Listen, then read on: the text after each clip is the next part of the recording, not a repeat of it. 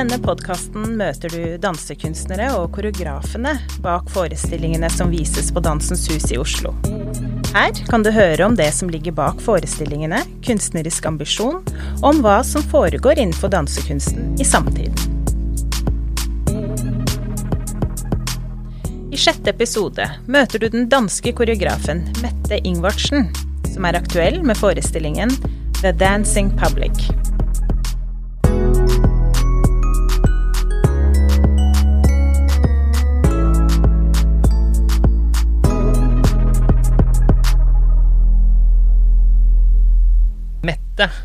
Can you please introduce yourself? Who are you?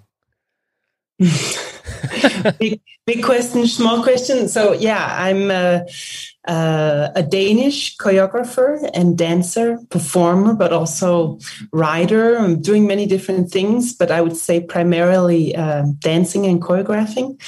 Uh, I have been making work for 20 years mm-hmm. already.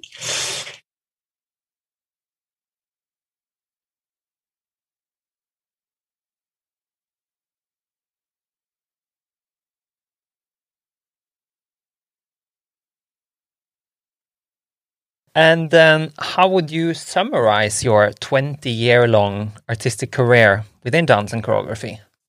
I think one of the things that I have been always interested in is how to um, think of um, expanding dance and choreography a little bit beyond the usual uh, limits of it. So even very early, like my very first performances, I was um, busy with visual art and sculpture, and later I've been very busy with language and theory, and I have also been um, very interested in cinema. Or so I've always been interested, kind of in the the limit mm. um, parts of dance and choreography.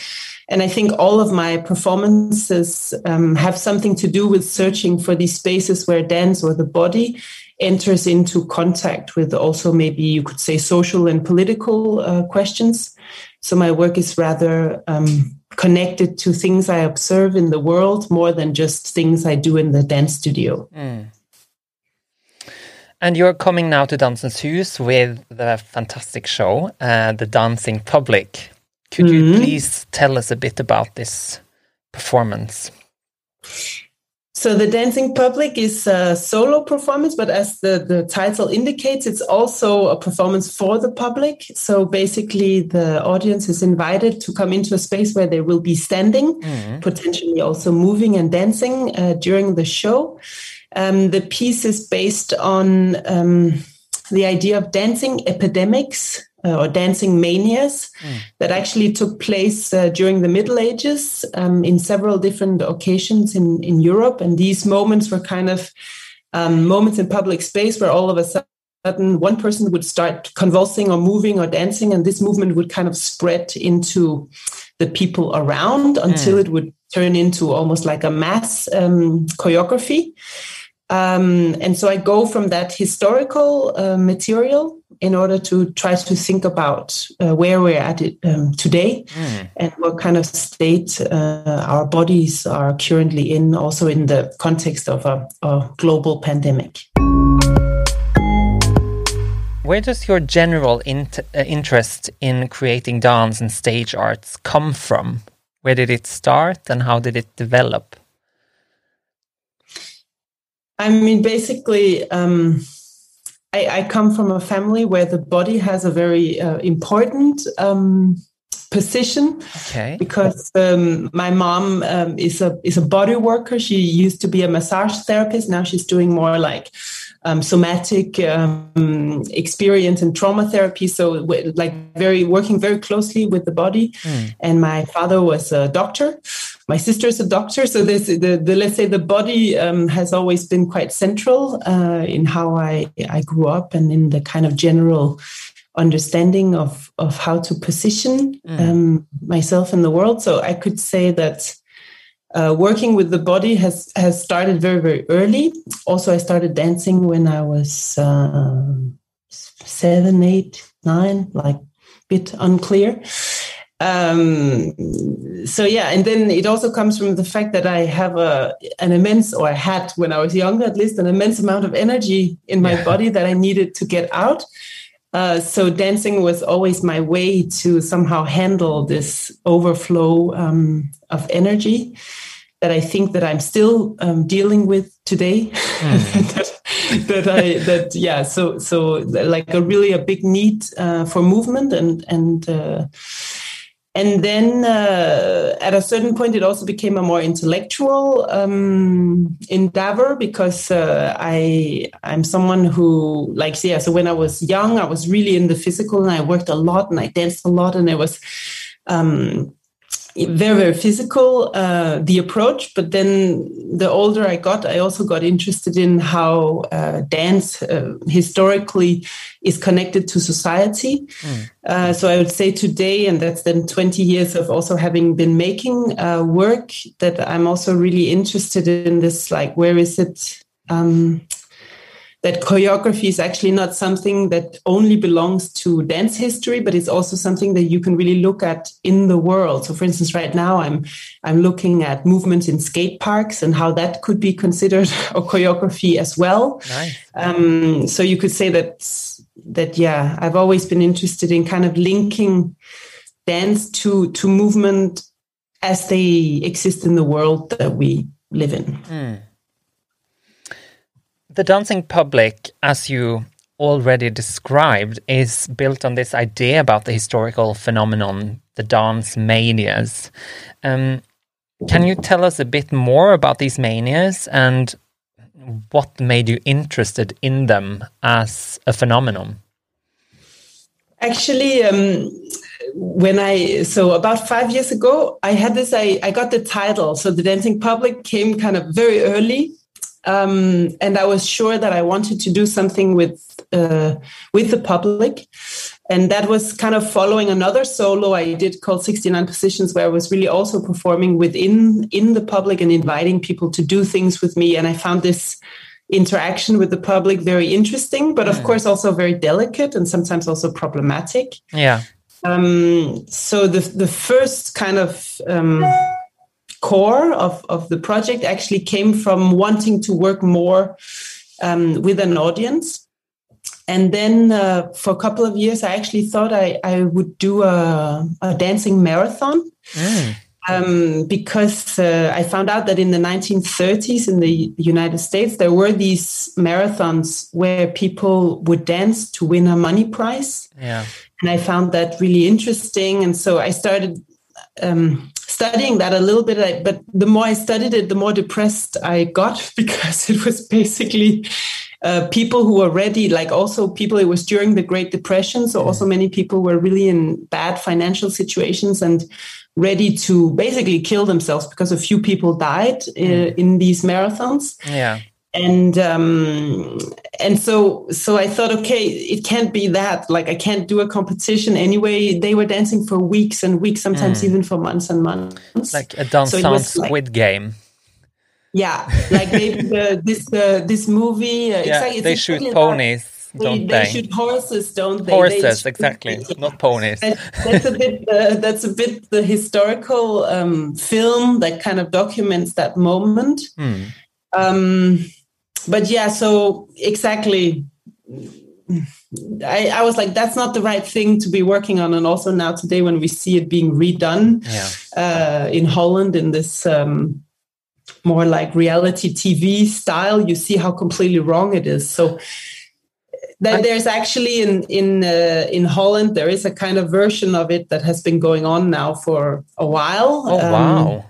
So yeah so, so that's very interesting. But for me clearly not not a very um, optimistic way to look at the world right now. No. So i kind of let that go um, and uh, and then I, I the the project was kind of on ice for a couple of years because i couldn't figure out how to do it. Mm. And then I found this book um, by Kélina Gotman uh, called Choreomania Dance and Disorder and it's actually a recent book. I think it's from 2018 or something like that. And uh, there, all of a sudden, I was like, "Wow, this is it!" So, so basically, what she did was to do a huge research on these um, choreomanias or, or dancing epidemics from the Middle Ages and then up until today, actually. Mm. And uh, and when I started reading that, I was like, mm, this this might, might actually be the thing that that I could work on or work with uh, as a context for inviting other people to dance. Mm. And it also had to do with thinking about how um, not just to do a party, because actually doing a party is great, but you can just go to a party to party. Yeah. So thinking about in theater, what would actually be an interesting context to propose people to move in and and for me this context of a dancing epidemic uh, was was quite interesting because it had a doubleness to it. So on on one hand there is a, some sort of liberatory energy um, at work in those historical bodies but also uh, convulsive and painful and and probably um, mm, in a way a desperate a certain desperation that was also connected to why um, people and often women also started convulsing in, in public space. Mm. So yeah, so that's a bit the genealogy, and then I found this book, and then it yeah it opened up and became yeah a whole other thing. How has the process of the piece been for you, being both creator and performer? So I, I'm interested in if you could tell a bit about how you work. Do you have a praxis? Do you go to the disco? you know, or the, the club in the club? I uh, yeah, um, I used to go a lot to the disco. Yeah, um, but it's been a while now. Yeah, of course. um, yeah, yeah, no, but um, so actually, I started the project before the corona pandemic kind of mm. hit. So, and not along, not like three, maybe three months before. I found this book and I started reading and I got really excited about it. So I had already like, it was really like this click, you know, it connected something I'd been interested in for many years. And then all of a sudden I found it. Mm. And so I was already busy writing it and making it um, into a, into a project. And then the corona uh, epidemic came and it also somehow became weirdly relevant to my own body because all of a sudden there was the lockdown so a, a, big part of the research work was actually done during the first lockdown in March um, 20. Mm. Yeah. Um, so and and for me that was a moment where it all became very concrete because uh, I was actually at home with my children and my partner trying to organize the spaces and the time and how can we still work while the children are at home so like what everyone has been going through in in this um, period mm and uh, and we have a little little space upstairs which is basically two by two so very small. And that was the place to go to work. Yeah. um, so a big part of the the work has actually been developed in in that space in lockdown. Um, and it's also something that kind of reflects into the piece because i'm actually performing on these platforms that are more or less the same size. So they're mm. pretty much two by two and uh, so it also reflects these um, spaces uh, that were possible to use during the creation and later of course i was lucky to be able to still work um, in studios and to still go to work because it was a solo so i didn't have so many problems with mm. having corona and things being canceled yeah. but so so the process was in a way quite connected to the time uh, that we have been in and also i would say the energy um, that my body at least uh, has been facing in this period because I think now I've just been in like it, I've been in, in uh, quarantine twice. I've had Corona twice ah, already. Oh, yeah. So it's also like you realize like this being locked up as a dancer, it's extremely difficult. Yeah. Like it's extremely difficult for everyone, I'm mm. sure. But uh, yeah, for someone uh, who's used to to moving the whole day long, it's it's definitely a challenge. Mm and so in a way the the um, yeah the movement material it also carries a trace of of that because there's something like for instance there's a whole part where i'm laughing like crazy mm. and uh, that comes out of having read about dancing manias and how uncontrollable laughter would be something that sometimes would break out and then be contagious between the people mm. But it for me was also a, a survival um, yeah. strategy or i would go upstairs and i would then do my laughing practice and you know so i would try to find ways to to go through this period and using the work as a way to to go through this period in a in an interesting and um, stimulating way. Do you see any methods that have evolved throughout the process? You you spoke about your laughing praxis. Yeah. Well, there's there's uh, a, a, several of them, but I would say the main thing in the piece has something to do with language mm-hmm. that then turns into singing, and so which is something that I have been using before, but that for this piece really took a new um, um, amplitude. Yeah and um, and I think it's connected to the fact like this this book of Kélina Gotman that I have been reading uh, in that book, she speaks about different kinds of uh, discourses around dancing manias and how through history these discourses have been changed. Mm. So, for instance, um, you have like in in the 1500s or 1600s, you have like um, doctors who are trying to figure out why these um, manias took place and that's very different from, for instance, today, where there are psychologists trying to look back at the events and they look at it in a completely different manner. Mm. So she speaks about these shifts of how the discourses of these dancing manias have changed. And so I was busy with that, like how can I actually change the discourses, but then also work with performativity and, and theater, mm. uh, dance. And so, what I came to, and that was uh, coming also out of a, a, general interest in kind of using the musicality of language or the rhythmicality of language, or the so basically the the piece starts from me. I'm all the time moving and dancing or singing, and so it's it's never just one uh, thing. Mm. But for me, it's it's really doing multiple tasks at the same time, which which is what creates this uncontrollable situation um, so yeah, I'm basically uh, talking and explaining things while I'm moving, but at a certain point, I also start singing and I'm doing slam poetry, and then I'm I don't know I'm screaming and like so it's you know it goes through all kinds of different um, vocal expressive uh, levels. Yeah.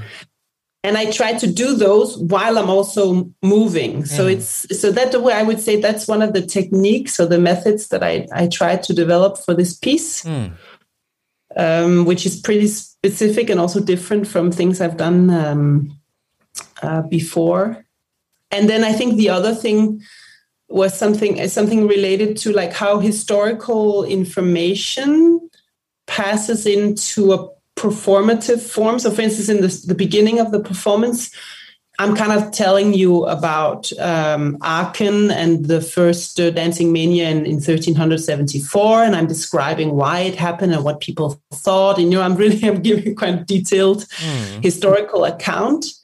Whereas later in the show, I'm I'm singing um, about the the um, dancing marathons in the United States in the 1930s that I also spoke about before. Mm. Uh, and there, for instance, I've heard from the audiences that they don't necessarily understand that I'm talking about the 1930s in the United States, but they understand the desperation of that moment. They understand the exhaustion. They understand the bodies that can't stay upright. They under, you know, so so it's also for me, it's it's about in a way um, trying to search for where the historical materials become relevant to what we are going through right now. Mm and in that sense not being so busy with whether people get exactly like what historical reference i'm trying to make but rather um, understand something about uh, how bodies react in moments of crisis mm. and and how also the the force of the body uh, in those moments is is both it's this it's both uh, uh like um, a powerful um, ener- energizing um, reaction and of course also a painful and exhausting one. So mm. so it's the kind of the, that's kind of the doubleness that i think the performance also talks about. Interesting. A lot of layering. Yeah definitely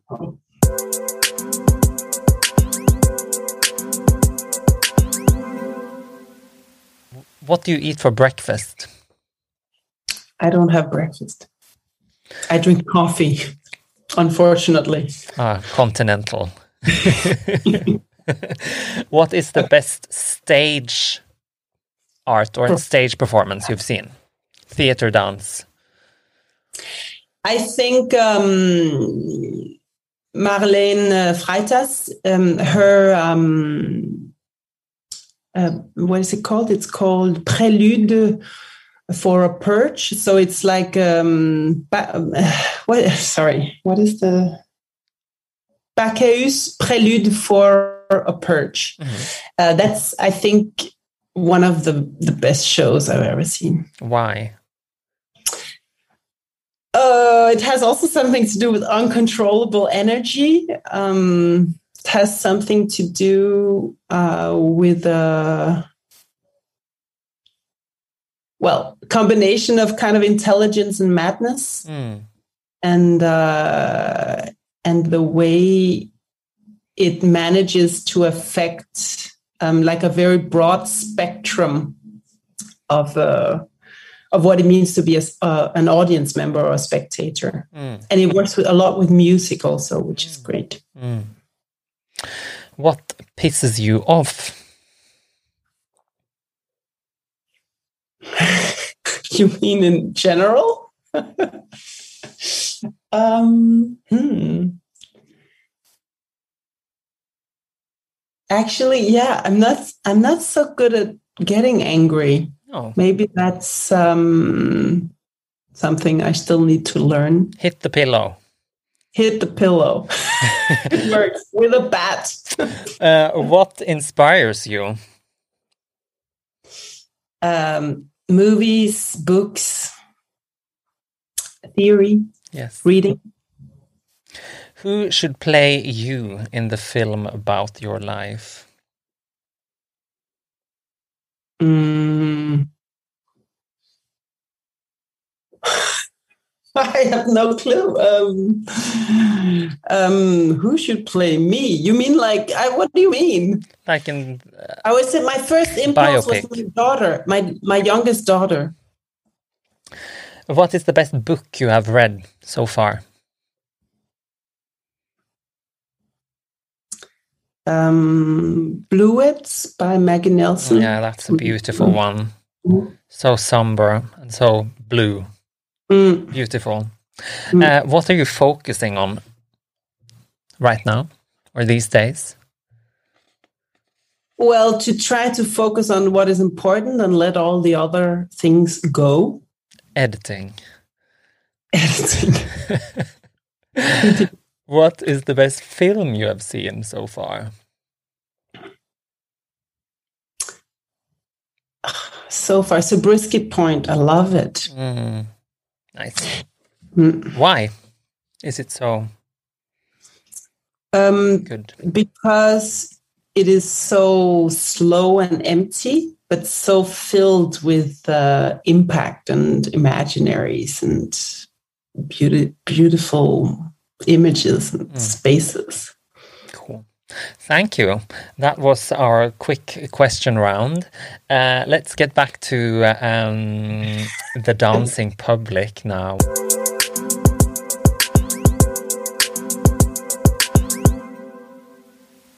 You have mentioned the importance of music, uh, especially in for instance, um, Freitas piece you were talking about. Uh, what um, music do you use in your piece? How do you use it, etc.? Can you tell um, or elaborate? So that's also an interesting story mm. because, of course, I was trying to make this piece during um, the lockdown. And uh, initially, I wanted to work with um, Berlin based DJ um, called Mieko Suzuki. And we tried to meet and we tried to meet again and we tried to meet again. And every time it was canceled for different reasons. And at the same time, I was working on my own. Um, so I went on um, Spotify. and I basically started you looking for electronic music that would somehow be in the vibe of what I was interested in uh, working with, so that when the person who would work on the sound would then be able to, you know, have some mm, references. But then, as it took so long before I finally met someone, uh, I basically ended up um, working with these um, music. So it's basically electronic um, music. Um, uh, there's different um, people who have made it. So I'm and I'm using like 14 different tracks, I think it is by now.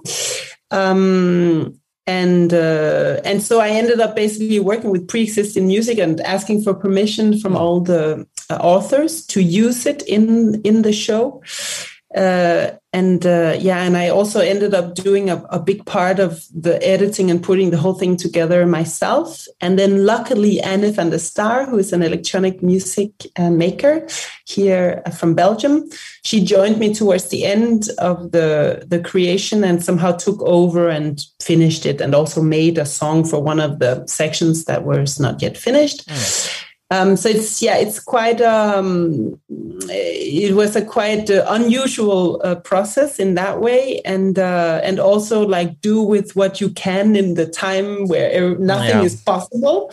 But actually, I'm very happy with it um, because it also means that all the pieces of music that are in the performance are really uh, close to me in the sense that I have searched for them, I've selected them, I have tried things on top of them, and so all the texts are actually written to the musics mm. that are in the, the show, mm. with one exception where Anna really stepped in and made the made the musical arrangement for one of the the songs. Mm. Um, and what I was searching for uh, in it was a kind of a drive or musical. So there's basically rhythmical, like there's a kind of pulse or drive that runs through the whole thing. And it gets modulated and sometimes i'm also we're working a lot with overlaying or you have like sometimes polyrhythms that appear because two songs are actually playing at the same time.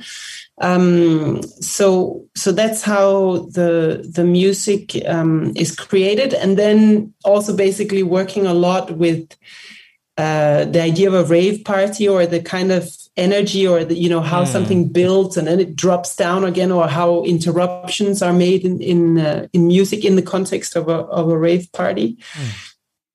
which is something i also have a lot of knowledge of because when i was a teenager and a young you know adult i was really uh, you know i spent a lot of time um, partying and being in raves and so it's also connect the piece is also connected to a a certain period um, in my life that, of course, still exists, but is a little bit further away now, mm.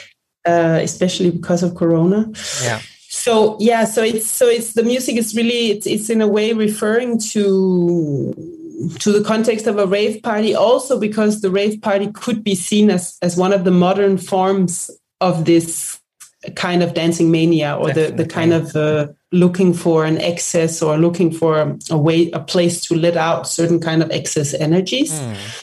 um, and that's also why there actually is a second part in the performance where once i leave so there's about an hour where i'm busy and i'm singing and talking about things and doing things and sometimes asking people to do things with me and so on.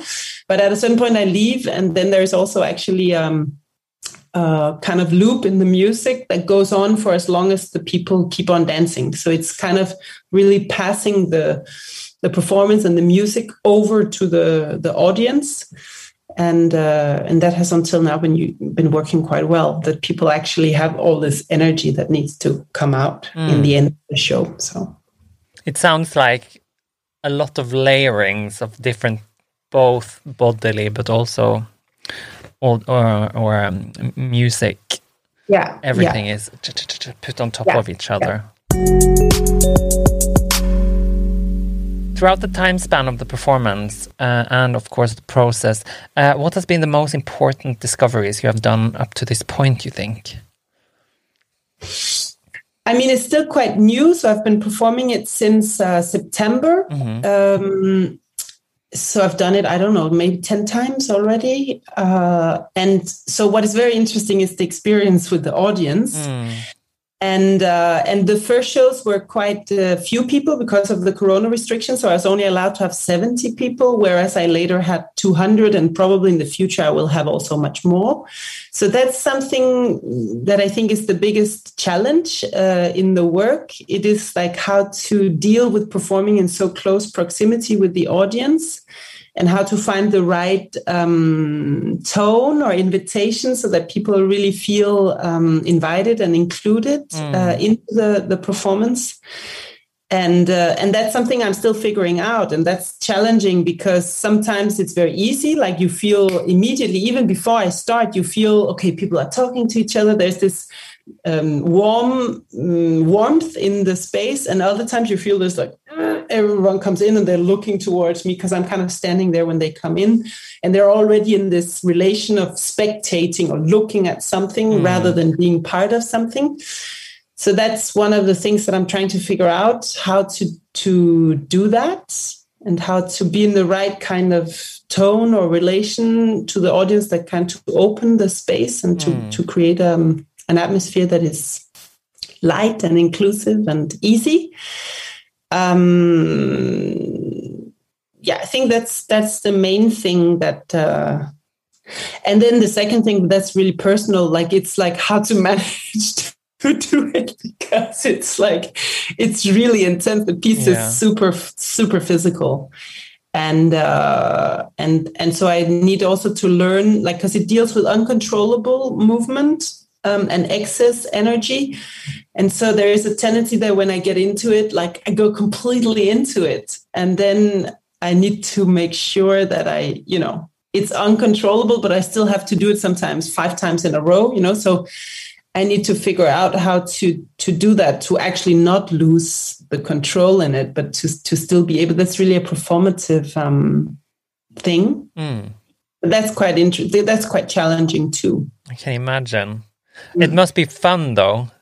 It's uh, it's very fun to meet it's, these uh, or yeah. to co come into this yeah. zone, get yeah. in the zone, and um, can you get stuck in them in a way? So you it's hard to get out or it's hard to you know continue in whatever drama- uh, dramaturgy that you're supposed to follow like the music is kind of um, written in the mm-hmm. sense that the timings are like certain places it can still vary a little bit but generally speaking it's quite a choreographed yeah. um, and, and then there's certain um, songs or certain places where there's more freedom in the sense that uh, if the audience dances, I can do less. If they don't, I do more. Like there's there's still a lot of negotiation uh, going on, but the music really helps to keep the thing running. So even like that, I really feel as a big support. You know, like that the that the thing is so it's like a machinery. So once I'm in it, it also just kind of it runs by mm. itself. A roller coaster almost. Yeah, yeah. Carousel. Well, I kind of need to hold on to it. If yeah. It's like, ah! yeah, nice. It's a good picture. Mm. Do you want to tell us anything more? Is it anything you want to tell us about the performance? I mean, there's lots of other things to say, but I think in a way it's also interesting. I hope people will come to see it because it's also maybe less interesting to to talk about than to actually experience mm. it. Like there's maybe something about um, one thing I've been very interested in is also this. I've been studying like um, Dr. Charcot, who is this um, doctor who in 1880s um, or something like that in the in in in France. Uh, he was part of doing the hysteric the, the you know he invented hysteria and was part of um, uh, yeah, taking care of the mental asylum, uh, the Salpêtrière, where a lot of the women who were hysteric were kept. And, uh, and that's something that I've also really looked into because he became very interested in the dancing manias from the Middle Ages and compared it to what he observed in his hysteric uh, subjects. Mm and so that's also one of the topics that I'm treating uh, in the performance. So, and and I, I don't know why I think it's important to say this, but I think it's because it connects also to my own work that a lot of the performances I did before, which have to do with sexuality or also thinking about equality or thinking about the position of women's bodies and, and so on, uh, that that work is much less apparent in this performance. It's not at all a topic and it's not at all something that is pushed, but I think it's still um, quite an important uh, point or issue that that many of these uh, dances were also um, like so the dancing manias happened women children uh, you know men no like it happened to everyone but there is definitely uh, a link in my interest that also has to do um, with women's bodies and, and the position of women's bodies in history mm. And so the piece, in a way, also traces that in inside of this larger, larger narrative, um, which also connects it more to my own history of, Mm. of work. Exciting. I am very much looking forward to seeing the dancing public here in Oslo. Um, thank you so much, Mette, for this great conversation. Uh, You're welcome. I It was a pleasure. Yeah, thank you. I wish you all all the best, and um, in March we will see you here. Yes, I'm looking forward. So am I, and um, there will be a workshop with you also for those people who are interested in that. Check Yes. out dansenshus.com for more information. Dansens Hus podkast er en inhouse-produksjon laget av formidlingskonsulent Jonas Øren. Musikken er skapt av Bassmo Beats, og mitt navn er CC Kolstad.